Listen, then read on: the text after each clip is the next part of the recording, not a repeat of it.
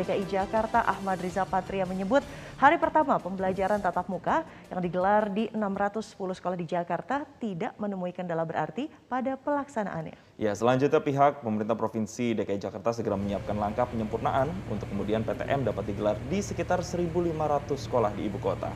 Hari pertama pembelajaran tatap muka atau PTM yang digelar di 610 sekolah di semua tingkatan yang ada di DKI Jakarta dipastikan Pemprov DKI berjalan sesuai harapan.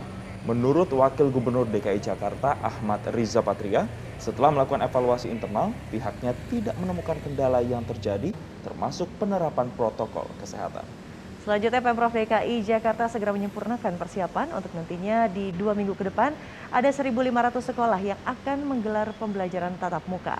Selain itu, angka penurunan COVID-19 di Jakarta dan adanya percepatan vaksinasi kepada siswa berusia 12 tahun ke atas menjadi salah satu acuan Pemprov DKI Jakarta untuk membuka sekolah dan melakukan pembelajaran tatap muka.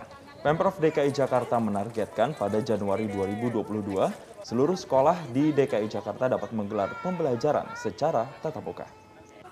Berjalan dengan baik, seperti teman-teman lihat di berbagai kesempatan dan media, kita akan terus memperbaiki dan sempurnakan eh, berselang nanti dibersihkan didesinfektan mulai lagi sekolah ya, dibagi lagi siswanya secara bergantian ya setelah dua minggu nanti. Jadi mudah-mudahan ini 610 sekolah pertama nanti sudah dilanjutkan dengan 1500 dan seterusnya. Mudah-mudahan nanti di awal Januari sudah bisa memenuhi yang belum mendapatkan giliran mudah seluruh sekolah bisa dimulai di awal Januari seluruhnya Mari kita dukung semuanya itu kan dari PAUD, SD, SMP, SMA, SMK. 610 termasuk madrasah ya. Itu kan uh, yang sudah melakukan uji coba beberapa bulan sebelumnya. Jadi sudah memahami, mengerti dan terima kasih pada para pendidik, para guru dan semua karyawan yang membantu pelaksanaan ini di sekolah-sekolah sehingga kita bisa memulai tatap muka secara langsung di sekolah ini sangat membahagiakan bagi teman-teman, bagi adik-adik kita. Di hari kedua, pembelajaran tatap muka atau PTM ditiadakan untuk dilakukan penyemprotan disinfektan. Setelah Senin kemarin sudah dilakukan pembelajaran tatap muka atau PTM terbatas, di hari Selasa ini para siswa diminta untuk belajar secara online kembali karena sekolah akan dibersihkan dan akan disemprotkan dengan disinfektan. Lalu bagaimana evaluasi pembelajaran tatap muka di hari pertama kemarin saya akan tanyakan langsung kepada Pak Dadan Kepala SMKN 60 Jakarta. Selamat siang Bapak. Selamat siang Mbak. Pak kemarin sudah dilakukan pembelajaran tatap muka. Bagaimana evaluasinya Pak? Baik, eh, hari pertama kemarin ya memang sebelumnya kita sudah kemarin itu bukan hari pertama kalau bagi SMK 60 ya. Artinya bulan April yang lalu itu sudah uh, piloting. Kita sudah piloting bulan April yang lalu, kemudian berjalan terus pada saat PPKM level 4 itu mulai kita di stop gitu kan di stop sambil nunggu informasi berikutnya. Nah, berikutnya baru besok eh, kemarin tuh ke, dibuka kembali gitu. Kalau kita buka arti bukan hari pertama.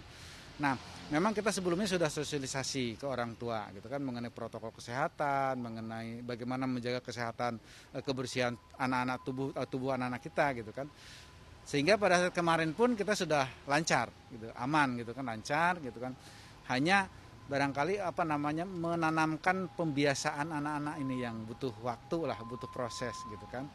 Seperti misalnya malum apalagi kemarin anak yang masuk adalah kelas 1, kelas 10 gitu kan baru ketemu gitu kan. Jadi masih katakan salaman juga sudah saya larang gitu jangan bersentuhan tapi tetap masih ada satu dua lah gitu. Itu memang butuh waktu gitu kan.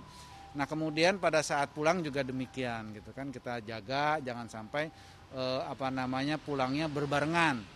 Jadi setiap pulang anak yang di kelas itu kita kasih jeda, kasih jeda 15 menit baru kita keluar gitu kan anak-anak. Kemudian untuk yang menunggu jemputan kita sarankan nunggu jemputannya di kelas dulu gitu kan. Saat jemputannya sudah tiba baru turun gitu kan untuk menemui jemputan itu. Artinya untuk me me mengurangi kepadatan di sekitar area ini. Gitu.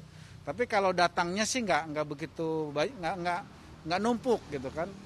Tadinya sih saya khawatir. Berarti protokol kesehatan juga sudah dilakukan sedemikian Sudah. rupa, kemudian eh, bagaimana prosedurnya juga sudah disosialisasikan ke murid dan juga guru begitu ya Pak. Iya. Tadi Bapak juga sudah melakukan rapat evaluasi ya Pak. Iya. Adakah masukan mungkin ataupun eh, apa lagi yang akan dilakukan untuk besok kan akan mulai lagi nih pembelajaran tatap mukanya Pak? Ya, kalau untuk besok hari yang kedua itu eh, untuk yang kelas 11 besok ya. Artinya kita tidak terlalu repot gitu untuk yang kelas 11. Kemarin itu ada ada masukan untuk pendataan suhu gitu. Tadi itu dibahas, didata suhunya biar didata ada recordnya gitu. Nah tadi dibahas mengenai teknis pencatatannya gitu gimana nih. Gitu. Saya bilang kalau memang tidak tidak bermasalah, anak aja suruh nginget ngingetin berapa suhunya nanti dari petugas akan ini ingetin nanti dicatatnya pada saat absen.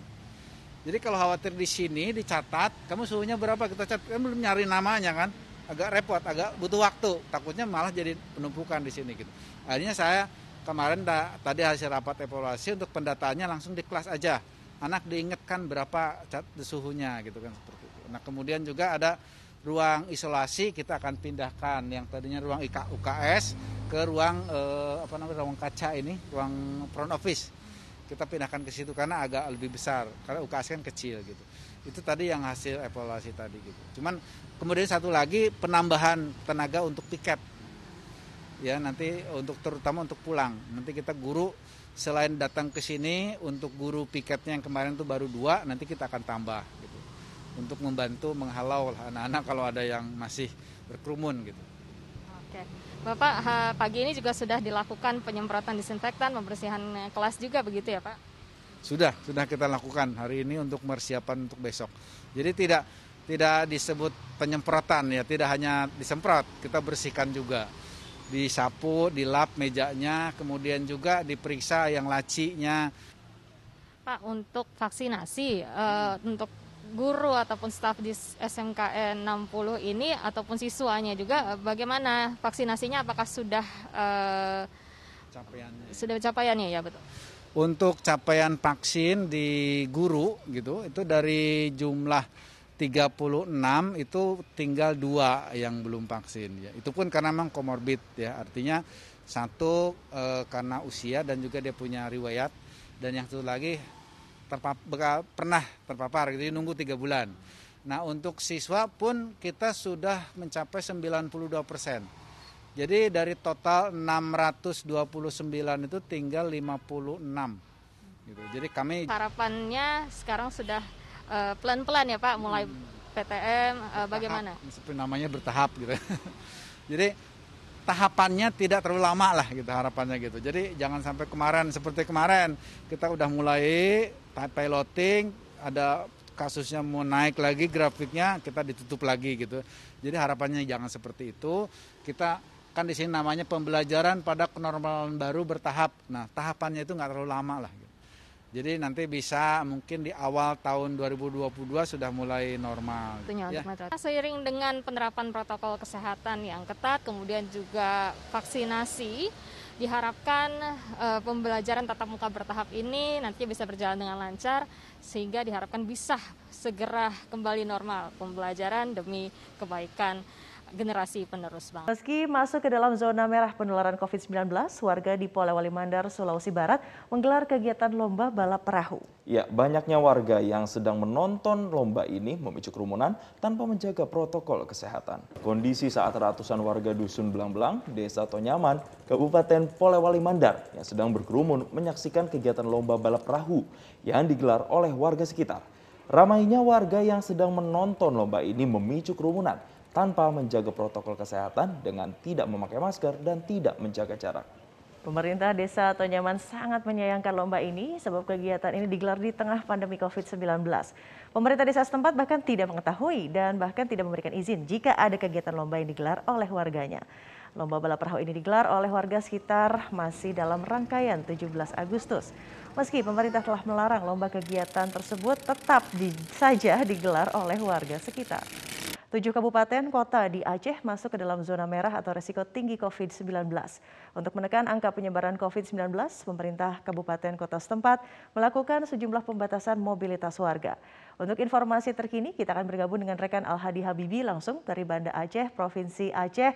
Al-Hadi, seperti apakah penerapan pemberlakuan pembatasan kegiatan masyarakat atau PPKM di daerah yang masuk ke zona merah di Aceh? Tingginya angka kematian dan juga kasus penyebaran COVID-19 di sejumlah kabupaten kota di Aceh menyebabkan uh, setidaknya ada tujuh kabupaten kota di Aceh masuk dalam zona merah. Berdasarkan data dari Satgas Penanganan COVID Nasional, uh, tujuh da kabupaten kota di Aceh yang masuk dalam zona merah yaitu meliputi Banda Aceh, kemudian Aceh Besar, uh, Pidi, uh, Sabang, kemudian diikuti oleh Lok Semawe, Langsa dan juga Aceh Tamiang. Akibatnya saat ini pihak dari pemerintah kabupaten kota yang masuk dalam zona merah melakukan uh, pembatasan mobilitas warga atau uh, pemberlakuan uh, kegiatan masyarakat baik itu menerapkan PPKM level 3 maupun juga 4. Seperti salah satunya yang kami pantau adalah Kota Langsa di mana pemerintah Kota Langsa melakukan pembatasan kegiatan masyarakat dengan melakukan penyekatan di jalan masuk ke kota Langsa seperti uh, di jalan uh, yang dilakukan pembatasan yaitu di jalan Langsa maksud kami di jalan menuju pintu kota Langsa yang dilakukan uh, penyekatan yaitu di desa Birem Puntong, Kecamatan Langsa Baru dan uh, desa Bukit Mutua, Kecamatan Langsa Timur, di mana kedua titik ini merupakan uh, jalur masuk ke Kota Langsa. Untuk uh, penyekatan sendiri ini dilakukan dengan cara bagi setiap pelintas atau warga yang ingin masuk ke Kota Langsa harus menunjukkan uh, surat telah divaksin atau sertifikat vaksin bagi warga yang telah melakukan vaksinasi atau menunjukkan surat bebas COVID-19. Bagi warga yang tidak dapat menunjukkan salah satunya surat bebas COVID ataupun juga surat sertifikat vaksin, maka pihak dari pemerintah setempat juga memfasilitasinya yaitu uh, memfasilitasi untuk melakukan swab atau vaksin. Dan selain di di Kota Langsa, penyekatan ini juga dilakukan di eh, daerah-daerah lain yang masuk zona merah di Aceh seperti di Lok Semawe, kemudian juga Aceh Tamiang, kemudian uh, Banda Aceh dan Aceh Besar. Selain melakukan penyekatan, pembatasan mobilitas warga lainnya juga dilakukan seperti menutup semua tempat wisata maupun juga tempat-tempat eh, keramaian atau tempat-tempat yang berpotensi terjadi kerumunan. Selain itu juga operasi justisi juga ditingkatkan untuk mencegah angka penyebaran COVID-19 semakin meluas. Ya, lalu Al Hadi bisa diinformasikan saat ini bagaimanakah perkembangan dan juga sebaran kasus COVID-19 di Aceh? Ya, sejauh ini kasus uh, eh, COVID-19 di Aceh terus berfluktuasi, di mana jika kita lihat dari data uh, penambahan kasus harian 24 jam terakhir, ada penambahan sekitar 109 kasus. Ini memang uh, jika diperhatikan dengan dua atau tiga hari yang lalu terjadi penurunan kasus, di mana dua tiga hari lalu kasus harian mencapai 200 dan juga 300-an. Uh, namun saat ini secara akumulatif kasus COVID-19 di Aceh per 30 Agustus 2021 ini telah mencapai sebanyak 32.609 orang, di mana dari jumlah tersebut yang saat ini sedang menjalani perawatan sebanyak 6.754 orang, kemudian juga yang telah dinyatakan sembuh sebanyak 24.409 orang. Sedangkan yang meninggal dunia secara akumulatif ini telah mencapai 1.446 orang. Dengan masih tingginya kasus penyebaran COVID-19, pihak dari pemerintah Provinsi Aceh dan juga pemerintah Kabupaten Kota di Aceh menghimbau agar masyarakat patuh terhadap uh, penerapan protokol kesehatan pencegahan COVID-19. Pemerintah saat ini tengah gencar mempercepat program vaksinasi COVID-19 di Indonesia karena target sasarannya adalah 208 juta orang tervaksinasi.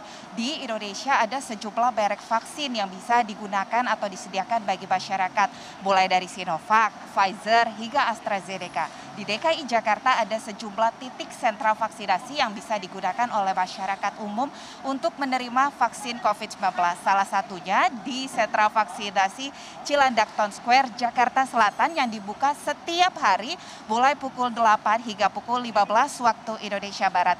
Terkait dengan program vaksinasi yang ada di Cilandak Town Square ini, kita akan bertanya langsung kepada pengelola dari sentra vaksinasi Cilandak Town Square. Yang pertama ada Dr. Novi dan juga Mas Budiman. Ya, Mas Budiman, saya ingin tanyakan terkait dengan pelayanan di sentra vaksinasi Ciladak Town Square ini bisa digunakan atau diikuti oleh masyarakat jenis vaksinnya kan bermacam-macam. Apakah masyarakat harus memilih atau sudah ditentukan sebenarnya untuk vaksinnya? Sini ada mekanismenya adalah uh, tahapan vaksin mulai dari vaksin Sinovac, vaksin AstraZeneca dan vaksin Pfizer.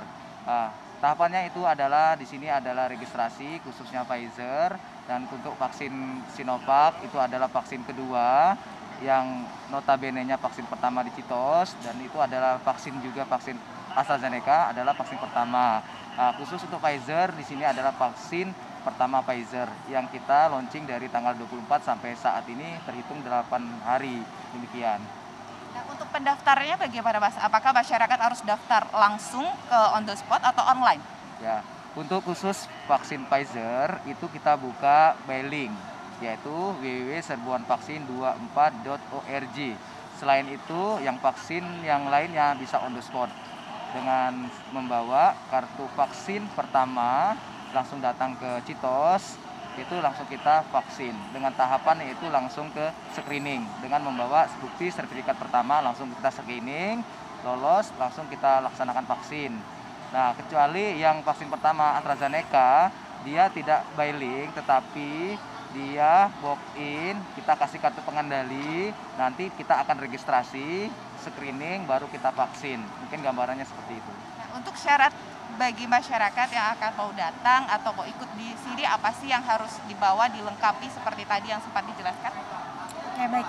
Jadi uh, khusus untuk Pfizer, uh, karena ini adalah baru di uh, launching oleh DKI Jakarta, maka syaratnya yang pertama adalah WNI, warga negara Indonesia, kemudian mempunyai KTP DKI atau membawa surat domisili tinggal di DKI, kemudian berusia lebih dari 12 tahun, dan yang terakhir adalah ini bukan booster, hanya untuk vaksin pertama gitu. Jadi kalau misalnya uh, sudah melengkapi semua syarat itu, maka Anda berhak untuk mendapatkan vaksin Pfizer di uh, lokasi kami. Jadi memang vaksin terbaik adalah vaksin yang sudah masuk ke dalam tubuh kita. Jadi vaksin yang tersedia masuk ke dalam tubuh kita itu adalah vaksin yang terbaik. Maka saya tetap himbau semua vaksin itu sama dan apa pun vaksin yang diberikan kepada kita tetap protokol kesehatan yang utama. Masyarakat memiliki hak pribadi untuk menentukan merek vaksin yang akan mereka gunakan. Berikut adalah tanggapan dari beberapa peserta vaksin di sentra vaksinasi Ciladak Town Square. Vaksin Pfizer gimana ceritanya nih Mas? Apakah lang, e, karena milih atau dapatnya gitu aja? Daftar online Mbak, langsung dari website. Ada pilihan apa? Oh, nggak ada pilihan.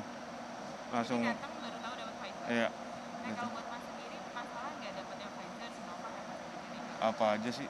Yang penting vaksin. Oh, kita gabung di IG-nya Puskesmas Cilandak, kemudian daftar ahli lewat link. Iya. Memang nyarinya Pfizer atau? Oh enggak, kebetulan memang sudah ada itunya di Pfizer. Jadi ya kita langsung daftar aja.